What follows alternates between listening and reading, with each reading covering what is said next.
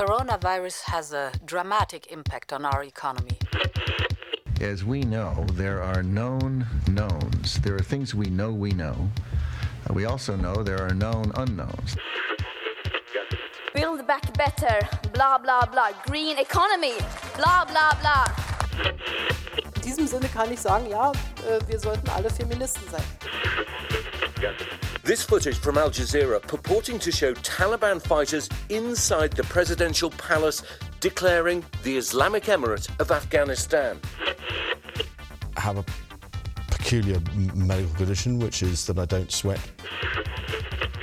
I think it's a filter. It, And the- it is, and I don't know how to remove it. Not, I'm not a cat.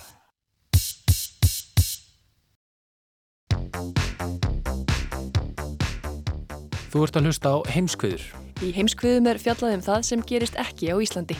Ég heiti Birta Bjöstóttir. og ég heiti Guðmundur Björn Þorbjörnsson.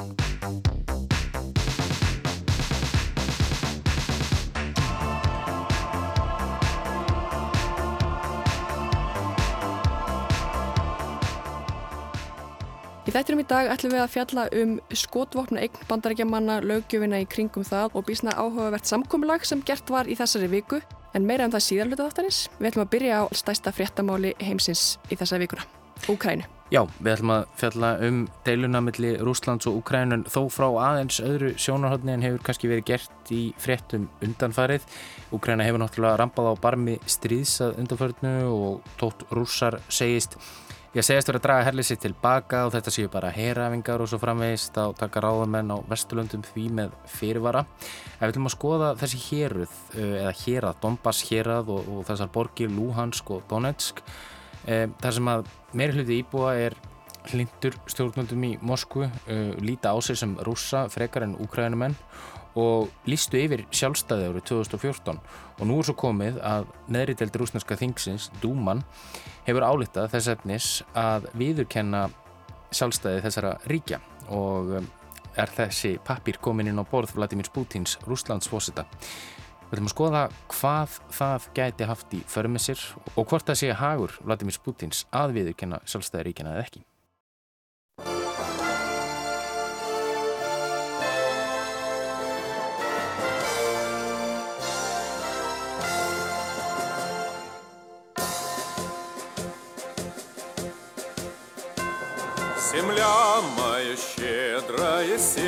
сердце Донбасса, Мой добрый родительский дом. Mín auðmjúka fósturjörð er hjartað í Donbass. Það er heimili foreldra minna ó hvað ég þrái að baða mig í dýrðinni, sína þér verk handa minna. Já, þér er allt til alls, ár, slettur, bleikir akrar og slegin tún og auðvitað þeitt harð duglega fólk. Til þín syngja fugglar heiminsins og á þig skín sólinn stolt. И гордо аллеет восход. Луганской народной республике слава в стремлении к свободе достойный пример. Ты счастье Megi dýrðin skína á alþjóðliðutið Lugansk, fyrirmynd frelsisbaróttunar. Þú átt skilið hamingju, livðu og blómstraðu unga þjóð. Livðu og blómstraðu, LNR. LNR, Luganskaya Narodnaya Respublika, eða alþýðu líðveldið Luhansk, sem sungerum hér í þjóðsöng þess að unga ríkis er ekki nema rétt tæplega 8 ára gamalt, rétt eins og nágranna ríki þess, alþýðu líðveldið Donetsk, sem var einnig stopnað árið 2014. Íbúar þessara tveggja ríkja er ekki nema rétt tæpar fjórar miljónir samanlagt. Þau voru stopnið í kjölfar Maidan-byltingarinnar svo kulluðu í februar 2014.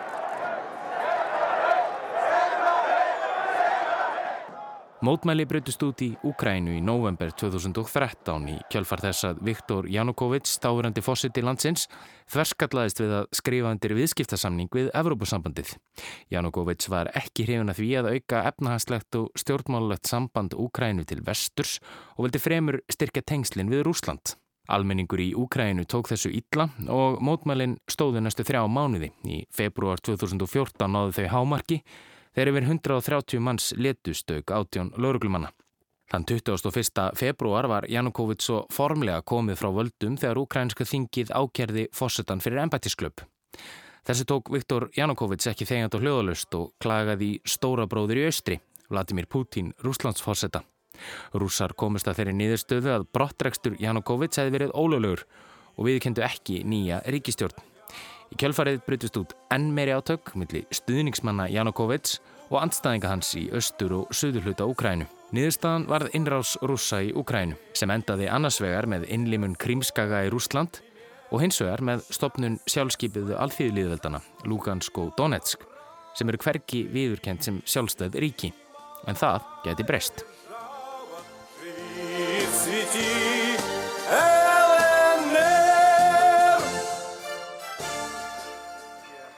Большинством голосов принимается постановление Þetta er Vjatslav Volodin, fórseti neðriteldar rúsneska þingsins, dúmunar, á þriðið dag.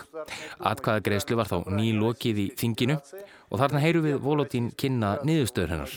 Путину о необходимости признания Донецкой Народной Республики и Луганской Народной Республики. Þetta er atkvæðagreysla sem geti haft miklar afleðingar og snýrist hún um hvort þingkeimur leði til að stjórnmjöldi Rúslandi viðurkenni sjálfstæði tveggjaríkja sem líst var yfir vorið 2014, Lugansk og Donetsk. Álítunin var samþygt og fer nú inn á borð Vladimir Putins fósetta. En hvað þýðir þetta? Og hvers vegna ætti Rúsland að viðurkenna sjálfstæði tveggja nágrannaríkja Ríkja sem eru jú innan landamæra Úkrænu. Sko það er alveg merkilt hvað Putin tekst alltaf að draga ný spil fram úr erminni, þráttur erfiða stöðu. Þetta er Valur Gunnarsson, sakfræðingur og sérfræðingur í málefnum Rúslands. Fyrir á þessu ári gaf Valur út bókina Bjarmalönd sem fjallar um Rúsland og Úkrænu í nútíð, fortíð og framtíð. Þrátt fyrir erfiða stöðu, já, sagði Valur, eins og við byrta rættum um í upphafi þáttar hafa strísátök við ukrænsku landamærin leiði loftinu undafarnar vikur og óvinni rússa þeir leynast við það. Staða rússa er almennt mjög veik þegar öðrum einn er þið með Breitland, Frakland, Tískaland, Bandaríkin og hérna, mestu herrveldu innæveldi heims og hinn er með Japan og Kína og þó að samskiptið við Kína sé núna ágætt þá er alls ekkert vist að svo er alltaf. Þau eru með efnahaga á borðið spán og eru eitja kappi við risaveldin. En einhvern veginn tekst Putin alltaf að draga mjög spil fram úr erminni og fyrst er það hérinn sem hann uh, kallaði út og er núna líklega kallað tilbaka og þessi samtíkt á dúminni. Já, Putin er alltaf með ásupp í erminni, segir Valur Gunnarsson og nýjasta útspilið getur verið akkurat þetta, að viðkenna sjálfstæði alþjóðliðveldana Luhansk og Donetsk. En hvað hefur samþyktin í dúmunni í förmessir? Annars vegar getur það þýtt bara einfalla að Rúsland muni viðkenna sjálfstæði þessar ríkja sem er visslega fordæmi fyrir það, það sem gerðist í Abkhasi og Suður Ossetíu í Georgíu. Byrjum á því. Eftir stríðsátök á landamærum Rúslands og Georgíu árið 2008 greipu rúsnesk stjórnvöld til þess að ráðsað viðurkenna sjálfstæði Abkhasi, hér alls í norðvesturluta Georgíu sem liggur við austurströnd Svartahafs. Hér sama gerðu stjórnvöld gagvart Suður Ossetíu í Suður Kákasusfjöllum fyrir miðri Georgíu í norðri. Georgia viðurkennir kvorugt ríkið og í raun eru það eins Venezuela, Nicaragua, Sýrland og smárikið Náru, auk Rúsland sem viðurkenna þau. Þið sjáu kannski eitthvað minnstur hér. En Suður Osseti og Abkhazia eiga það sammeilegt að þar eru íbúar að langfælestu leiti hotlir stjórnvöldum í Moskvu og líta ekki á sig sem Georgiemenn. Og frá því stríðinu lauk hafa rússar haft hersetu í báðum ríkjum. En hvers vegna? Jú, Georgi hafi stígið letan dans við Atlantsafs bandalagið NATO og skömmu áður en George Twyffeldwaff Bush leta vembætti bandrækjafósita bauð hann bæði Georgi og Úkrænu velkomnar í NATO þegar hann áarpaði leðtoga NATO-ríkina á ráðstöfnu í Búkarest. Bucharest we must make clear that NATO the aspirations of Georgia and Ukraine for their membership in NATO and offers them a clear path forward to meet that goal. Ekkert var það því að Georgia gengi NATO, þótt hún sé á lista yfir ríki sem vilji ganga í varnarbandalagið og yfir 77% íbúa landsins vilji það. Þó eru samskipti Georgi og NATO mikil, en rússar passa upp á að í Georgi séu héruð eins og Abkhazia og Suður Ossetia sem eru til vandraða. En aftur að Úkrænu. Það sama veriðist að einhver leiti verið að gerast nú og í Georgíu 2008. Donbass hér að er að mestu leiti byggt fólki sem lítur fremur á sig sem rúsa en ukrænumenn. Já, af því að uh, sem er bæði tilfinningamál uh, þegar alltaf stilgrind sig sem rúsa og og þegar að, að Úkrænu þing ákvað 2014 að banna nótkur rúsnesku þá var allt brálaðarna og þessi álitu hann dreyin tilbaka Ljóðlega, en það er líka efnagslegt vegna þess að þetta er mikil innahérið og kólnámi hérið fyrstur ennst og stálhérið og það er og það lítið við að vera uh, eftir að eftir því sem menn hægt að nota kól og meðaltekjur í Rúsland eru þrjusum herra mann heldur í Ukrænu og menn sjá það svolítið hillingum bara aðganga í Rúsland sem hérna, betri kost. En hvort það hugnist Vladimir Putin er annað mál. Vel getur verið að liðtóar alþjóðliðildana Lugansk og Donetsk vilji að endingu verða hluti af Rúslandi fremur en sjálfstæði ríki en það er ekki vist að Putin vilji það. Því að þetta eru fátt að gera sem núna eru eðluga stríði það, og, og ofmunu flækja samskiptans í Vesturlund en kannski fyrst og fremst er hann þar með að missa sín ítök í Úkræn.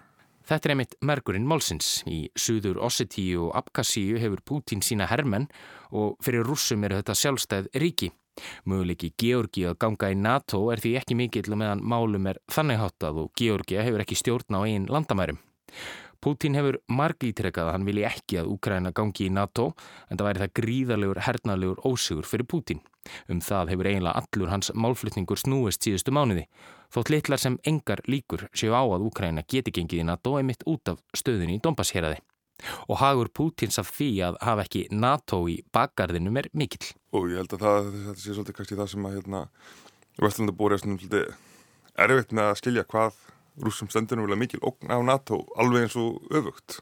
Að, það er alltaf alveg óhúsund að Rúsland ráðast á NATO en, en samt er NATO hérna, viðbúið og, og rúsnest þjóðavitund vilja sérstaklega á tímum Pútins gengur svolítið mikið út á Uh, ekki síst að minnast uh, Sigur sér setni heimstyrjöld og náttúrulega innrásarinn er setni heimstyrjöld og, og þeirra stórkvæmslega hörmungar sem fylgdi kjölferið og þetta er einn mesti hátíðadagur ársins 9. mæ þegar Sigur sér sér minnst og þessar miklu sögur alltaf um þegar innrásarinn nálgast og nálgast og síðan er hann komin að Moskvu eða jöfnvel til Moskvu og þá er hann alveg búin á því og veiturinn kemur og síðan er hann hrakin til tilbaka og, og ég var ósað lítið alltaf korti og það eru komnar hérna bandarískar herstöðar í austur Úkræðinu í bara færi 500 km frá, frá Moskvu þá, þá er varnastæðan orðin illa vonlega sko.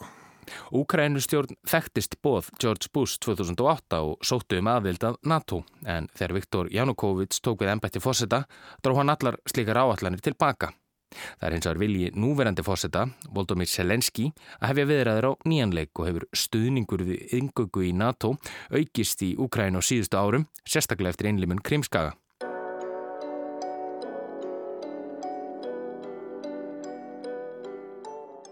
En þótt Vladimir Putin og Joe Biden bandarækjafósiti séu ekki sammála um margt, gætu þeir verið sammála um að halda Úkrænu fyrir utan NATO. Því ef Úkræna gengi í NATO væru varnarbandalagið og aðeldaríki þess skuldbundin til að verja ríki fyrir ágangi rúsa. Með því að halda Úkrænu utan bandalagsins gæti bandarækjafósiti litið svo á að minni hætta væri á ófriði.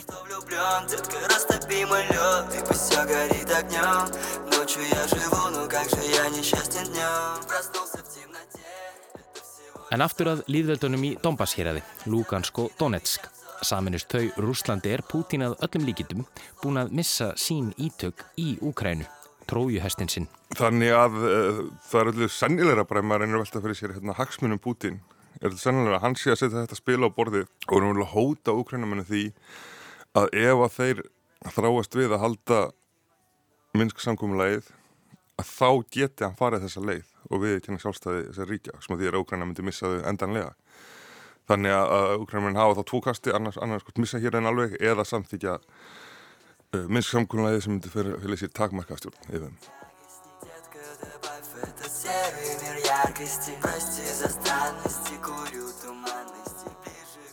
Minsk samkómalæði sem Valur nefnir hér var gert 2014 og var ætlað að binda enda á átökin í Donbass milli uppreisnarmanna hlýðhóllra rúsum og herdeilda Ukrænustjórnar.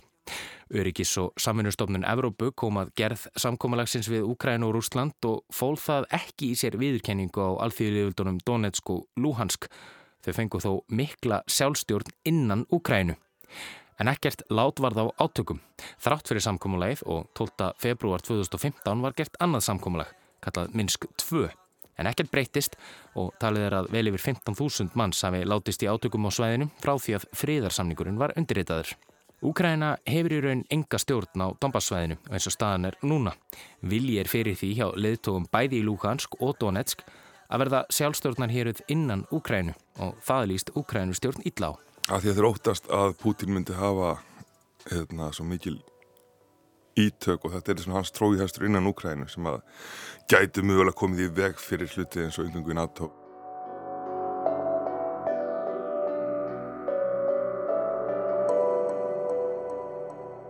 En hvað vilja Úkrænumenn?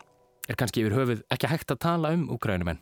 Við erum með einhver landamæri millir Rúslands og Úkrænu en í reynd eru þau mun vestar en landakortið gefið til kynna. Í reynd má segja að þau endi þar sem landamæri Dombas hér að senda í vestri.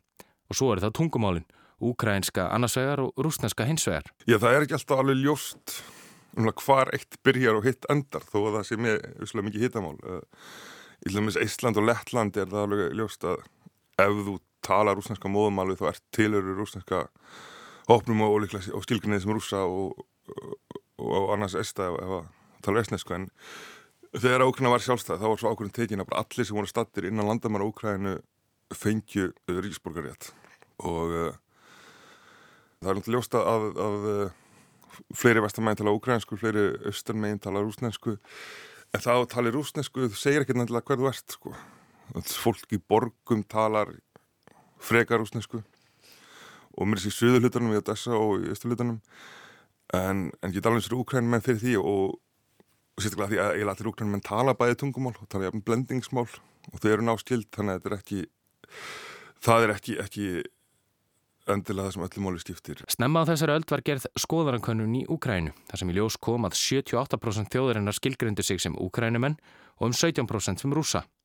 Í mass 2014 kaus fólk á hernumdu svæðunum með því að ganga í Rúsland en stjórnöldi í Úkrænu viðkendu ekki þær kostningar og ástandið í Luhansk og Donetsk og öllu Donbass svæðinu í raun versnar bara á versnar.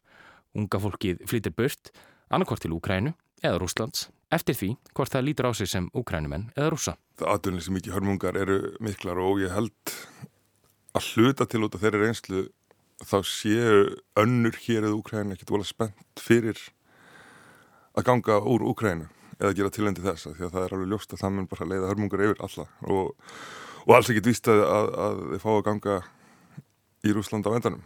Mm. Við sjáum til hvað er að gerast núna en hérna en, en Putin hefur ekki verið í sjálf sér mjög andum þetta fólki sjálfu sér en heldur, heldur finnst sínist mér eins og það myndi gagnast þannig betur að, að halda þeim sem sínum önum innan Ukrænu. Þegar Eistrasaltsríkin gengu í NATO árið 2004 brást Vladimir Putin illa við en hafa byrju huga að Eistrasaltsríkin tilherðu ekki Sovjetríkunum fyrir ný setni heimstyröld og þau kannski við búið að þau myndu að endingu færast yfir á yfiráðasvæði Vesturlanda. Eftir það sæði Putin en að beint út í hérna 2007 hingað og ekki lengra en það var ekki volið mikið hlustað á það en síðan hefur hann sínt bæðið kakvart Georgi og kakvart Úkrænu að hann er reyðbúinn til að gera nátt hvað sem er til að koma við fyrir þessi ríki gangi í NATO Úkræna hefur rampað á barmi alvarlegra stríðsátaka undanfarnar vikur og mánuði. Vel yfir 100.000 rúsneskir hermenn hafast við á landamærunum í norðri, austri og suðri og þrátt fyrir fyrirheit rúsa um að þessi mikli viðbúnaður sé aðeins heræfing og herliði sé á leið tilbaka halda leiðtóri vestri því fram að innrás gæti hafist á næstu dögum. Og hvað gerist þá? Úkræna er ju ekki í NATO en það þýr þó alls ekki að landi myndi ekki njóta stuðnings NATO farið svo að rússar geri innrás. Ef að rússar myndi gera einhvern svona allsýrar innrás þá myndu úkrænum menn bara fá íkja kataloga af öllum hugsanlega vopnum og geta panta allt sem þið vilja og fría hinsendingu myndi líklega þurft að setja það sama sjálfur en, en samt Sko ég ætti að leysa þetta á handamál þá myndi ég myndi leggja til að, að Úkræna myndi bara formlega ganga undir einhvers konar efnaðarslega reglíf NATO frekar en hernaðalega uh, og allir þessar svona hótanir sem eru búin að ganga af Íslu og allir eru búin að endur taka eftir bara að vera formlegt að, að innráðs í Úkrænum myndi þýða sko sjálfkrafa algjör efnagslitt við viðkomandi ríki. Og það ætti að vera nót til þess að hræða hvern sem er frá því og það veit um hvernig það talaði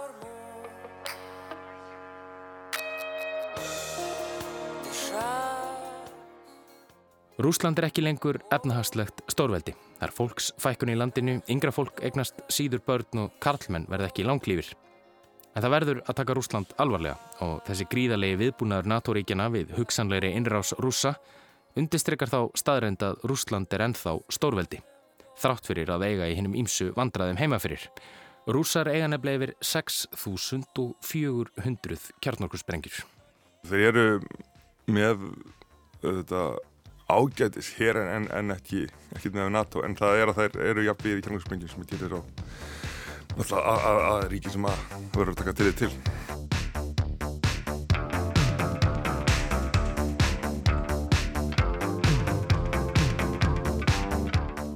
Skotvotnaframleðendin Remington Arms hefur samþygt að greiða bætur til aðstandenda þeirra sem voru skotin til bana í Sandy Hook barnaskólanum árið 2012.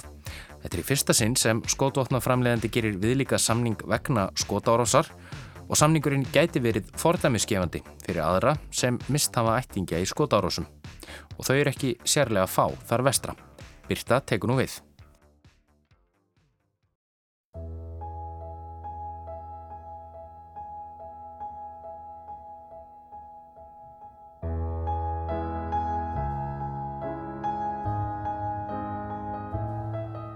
Bissuegn, aðgengi að skotvopnum og löggjöfin í kringum vopnaburð og vopnaegn stjórnast að miklu leiti af pólitíki í bandaríkjunum. Það er nú líklega gömul saga og ný. George Töfaldvar Bush rýmkaði verulega á reglum um skotvopnaegn í sinni stjórnatíð sem fórseti þrátt fyrir yfirlýsingar um annað áður en hann var kosinn. Hann þakkaði meiri segja NRA samtökunum stuðningin þegar hann var endurkjörin í ennbætti fórseta bandaríkjana. Nánar um þau ágættur samtökir eftir smá. Barack Obama reyndi að koma einhverjum reglugerðum sem myndu skila takmarkara aðgengi að skotornum í gegnum þingið í sinni stjórnatíð en hafði ekki erindi sem erfiði. En auðvitað spilar vilji bandarísku þjóðarinnar inni líka. Annar viðauki við stjórnarskrá bandaríkina er mjög oft dregin á flót og notaði sem staðfesting á stjórnarskrárvörðum rétti að bera vopn, sír og sínum til varnar. Reyndar stendur þessum öðrum viðauka að rétt almennings til að bera vopn megi ekki skerða vegna þess að vel skipulagt þjóðvarðlið séð nöðsynlegt fyrir heil fullvaldaða ríkis. Vel vopnað þjóðvarðlið var kannski nöðsynlegra þarna árið 1791 þegar baróttan við breska herin var í algrimingi.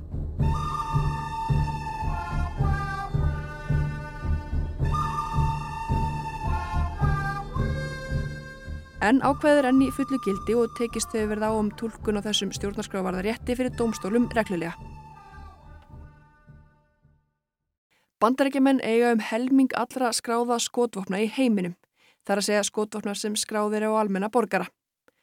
Það er nokkuð vel að sé vikið ef litið er til þess að bandaríska þjóðin telur að þessum 5% jarðarbúa. Það sem aðverð þessu ári hafa 5.693 bandarækjumenn dáið eftir skotsár meira en helmingur þeirra eftir sjálfsvík.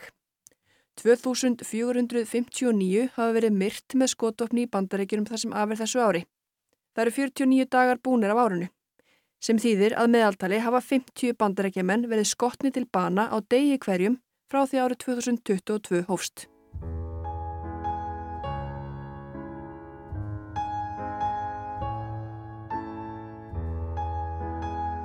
En það eru nú kannski ekki nýjar fréttir að skotvapna eign og bissunótkun sé gríðarlega mikil í bandaríkjunu. Í vikunni var þó skrifað undir samkúmulag, það fyrsta sinna tegundar, þar sem skotvapna framleiðandi samdi við aðstandendur fórnalampa skotárásar.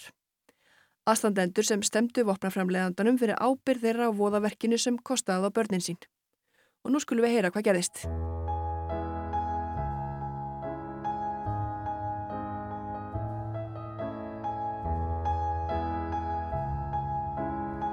Í uppafið þessar aldar var háð öflug barátta fyrir því að það erði bundið í landslög að skotvopnaframlegendur getu enga ábyrð borið á gjörðum viðskiptavina sinna.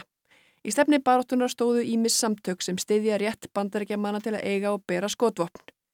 Þar fóru fremst í flokki áður nefnd NRA samtök, National Rifle Association. Samtök sem voru stopnurð 1871 og hafa ímsa hildi háð til að hvetja bandarækjamenn til að læra á og eiga vopn og geta þar með varið sig. Greatness of America is displayed in our constitutional right to bear arms, a rich heritage and tradition that spans generations. And preserving all of this is the NRA, the National Rifle Association. You can become a part of this great heritage simply by calling now 1 800 228 2222. For just $20, you'll receive the privileges and benefits of NRA membership. Samtökin af einnig barist með kjafti og klóma hennu pólitíska sviði, sérstaklega síðustu áratví.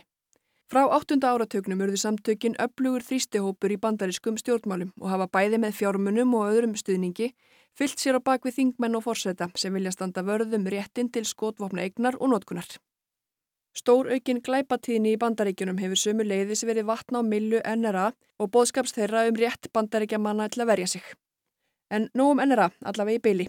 Samtökin voru sem sé atkvaða mest í baróttunni fyrir lagabreitingum sem myndu venda skotvopnaframleiðendur frá hverskins fjáraslegri eða annars konar ábyrð á því ef einhverjir viðskiptavina þeirra notuðu vörur þeirra til að framkama voðaverk. Rúsinan í pilsuenda þeirrar baróttu voru lög sem George W. Bush, þáverandi fósiti bandaríkjana, undirritaði eftir samþygt þingsins árið 2005.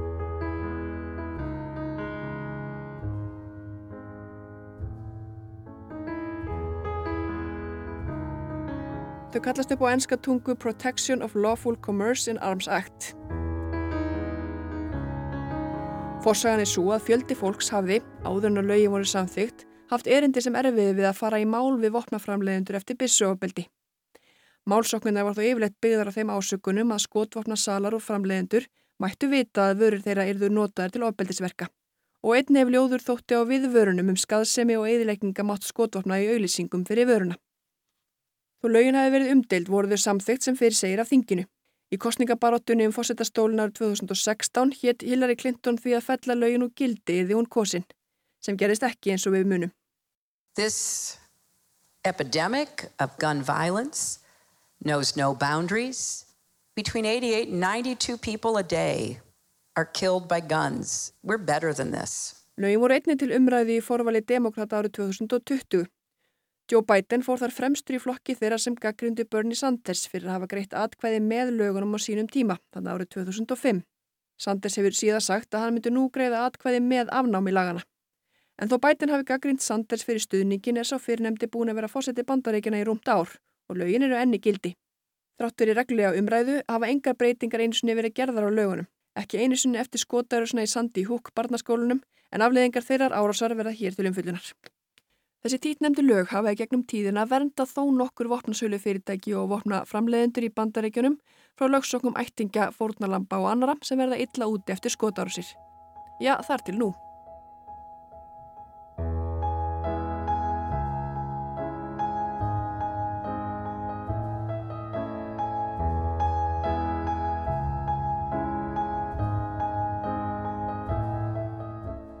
20 börn, 6 og 7 ára gömul voru skotin til bana í skólunum sínum þennan dag þann 14. desember árið 2012. Sandy Hook skólan í Newton í Connecticut sóttu börn frá leikskólu aldrei upp í fjörðabekk. Augbarnana voru sex kennarar myrtir af tvítugum árásamannunum og sömuleiðis móður hans. Þetta er enn til þessa dags ein mannskeiðasta skotarúsn í sögu bandaríkjana. A town few people had heard of, now the broken heart of America. A man thought to be in his early 20s walked into Sandy Hook Elementary School in Newtown in Connecticut and opened fire. Police, alerted by an emergency call, arrived and led some children to safety. They were told, hold hands, keep your eyes shut. A clearly emotional Barack Obama addressed the nation as a president and as a father. The majority of those who died today were children. Uh, beautiful little kids between the ages of 5 and 10 years old.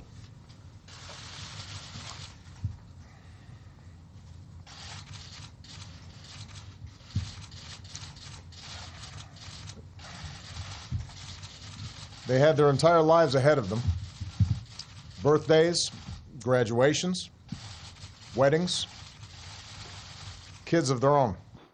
Árásamæðurinn hétt Adam Lanza. Hann var tvítugur og svifti sér lífi í skólunum þegar laurugla kom á vettvang. Hún kallast Bushmaster XM15, bissan sem Lanza notaði til voðaverkana. Þetta er half sjálfvirkur riffill, vegur á fjórða kíló og var mikið notaður í Írakstríðinu. It was designed to kill quickly and efficiently. The Sandy Hook shooter helped fulfill that purpose, shooting 154 bullets in less than five minutes and killing 26 innocent people, including my six-year-old son. Riffillin var framleitur af Bushmaster Firearms International, vopnafyrirtæki sem var stopnaða fyrir um herrmanni í Vietnamstríðinu. Fyrirtækin hefur gengið upp og ofan og gengið gegnum eigendaskipti og gjaldþrótt. Alveg eins og Remington Arms, fyrirtæki sem síðan kefti Bushmaster Firearms og greiðir nú bætuna til fjölskyldna þeirra sem létust fyrir næstum tíu árum í Sandy Hook skólunum.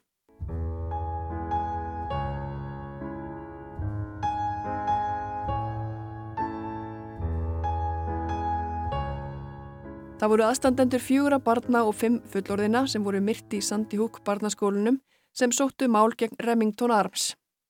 Grundvöldu fyrir málsókninni var að vopnaframlegandin Remington Arms hafi ekki lagt áherslu á hættuna sem skotvopna á borði það sem nota var í Sandy Hook hefði fyrir með sér. Markasetningu bissunar hafi sérstaklega verið beintað ungu mönnum sem spila tölvuleiki með orðavali í auðlýsingum og byrtingu á þeim. Vertu nýr maður, segir meðan hans í blaða auðlýsingu við myndara riflinum. Þá nýtti Remington Arms óbeinar auðlýsingar til að mynda í tölvuleikjum þar sem vopn fyrirtækisins voru notuð gegn greiðslu. There is no better firearm to defend their homes against realistic threats than an AR-15 semi-automatic. Hann heiti Josh Koskov, lögumæðurinn sem rak málið fyrir hönd aðstandendana.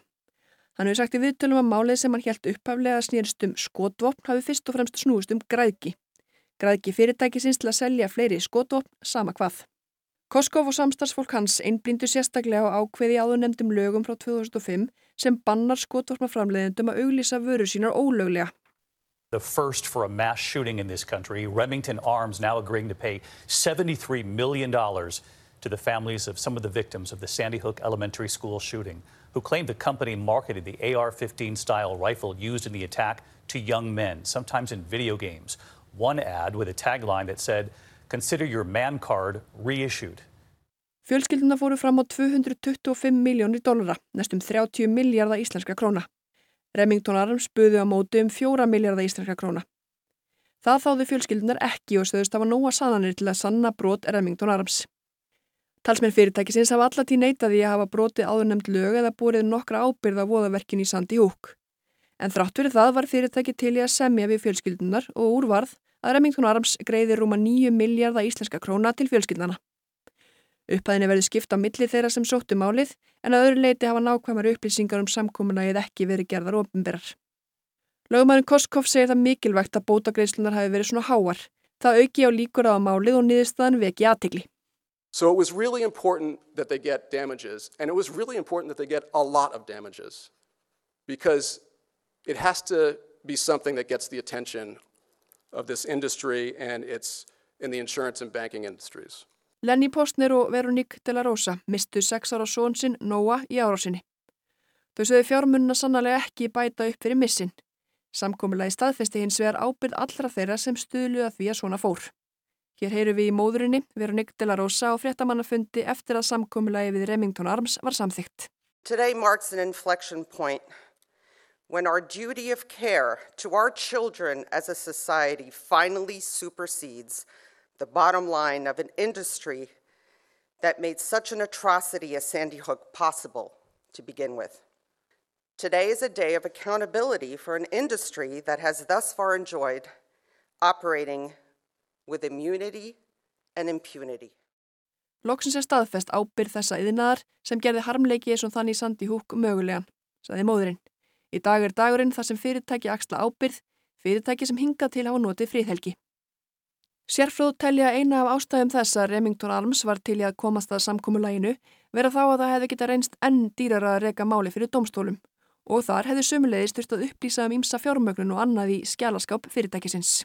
Lögfræðingurinn Koskov segir ekki sé öll kurl komindi grafar og vísar það til gagna sem hann hafa aflað sér um starfsemi Remington Arms. Gagna sem fyrirtæki vist ekki sérstaklega áfjáði í að verði gerð ofinber, en gögnin snúa meðal annars að ákverðinu við markasetningu og skotvopnum Remington Arms. Með samningum varð fyrirtækið hins vegar fyrsti skotvopnaframleiðandin til að kvitta upp á einhvers konar ábyrða því að framleiða og markasetja hluti sem geta verið nýttir til voðaverka. Þetta gerist bara í vikunni, svo enn er ekki komin reynsla á hvort samkominnlægið hafi einhver viðtakari áhrif en á þau sem að því standa. Það er þó sannlega ekki óhugsandi að anstæðingar skotvopna og ríkistjórar sem vilja spórna gegn útbreyðslu og áhrifum skotvopnaframleiðanda líti á niðurstöðuna sem kvartningu til að heia sambærlega baróttu og fjölskyldunar. Lögumæðin Koskov saði sumulegist vona að samkominlega hefðu þau áhrif að skotvopnaframleiðendur átti sig á ábyrðinni sem fylgir því að framleiða, selja og markaðsetja vopn. Það sagðist líka vona bankar, tryggingafélög og aðra stopnarnir sem fjármagna eða eiga í samstarfi við vopnafyrirtækin hugsuðu um ábyrði sína.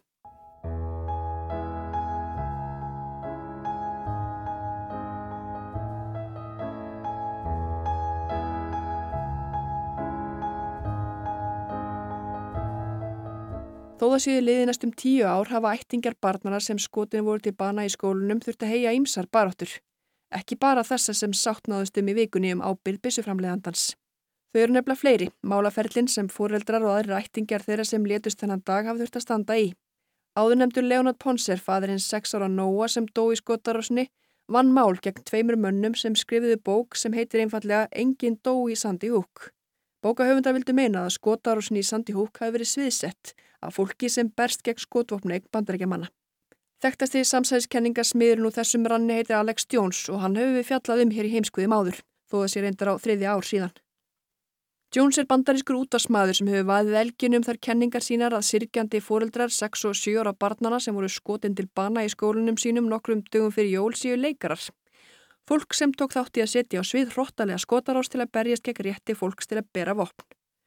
Fóreldra barnana í Sandi Húk hafa sömu leiðist hamast í Jones fyrir dómstólum og í nógumber síðastlinum fjall endanlegu dómur í því máli. Alex Jones þarf að greiða fóreldrunum bætur fyrir að hafa valdið þeim ómældum sásöka með órögstutum þvætingi.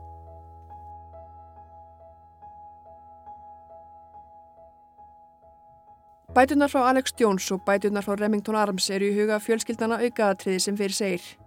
Þeirra markmið er fyrst og fremst að reyna með öllum tiltækum ráðum að koma í vekk fyrir að fleiri fóreldrar missi börni sína þannan hátt. Fóreldra Benjamins sem var 6 ára þegar hann var skotin til bana í skólunum sínum eru einn þeirra fóreldrar sem tóku þátt í málsókninni. Í viðtali við ABC fréttastöðuna sagði David Wheeler, fadir Benjamins, ekki hafa annað komið til greina en að taka þátt í málsókninni. Hann hafi viljað gera allt til að minka líkurnar af því að aðrir fóreldrar verði í framtíðinni í sömu spórum og hann. Why did you decide, not knowing how long it would take, how painful it could be? It made sense to us as people to take part in this, to try to do something, to make it so that another dad doesn't have to stand here and deal with this. How could you not take an opportunity like this to try and change something? Heimskuður verð ekki fleiri þessa vikuna. Við verðum hér aftur á sama tíma í næstu viku. Takk fyrir að hlusta.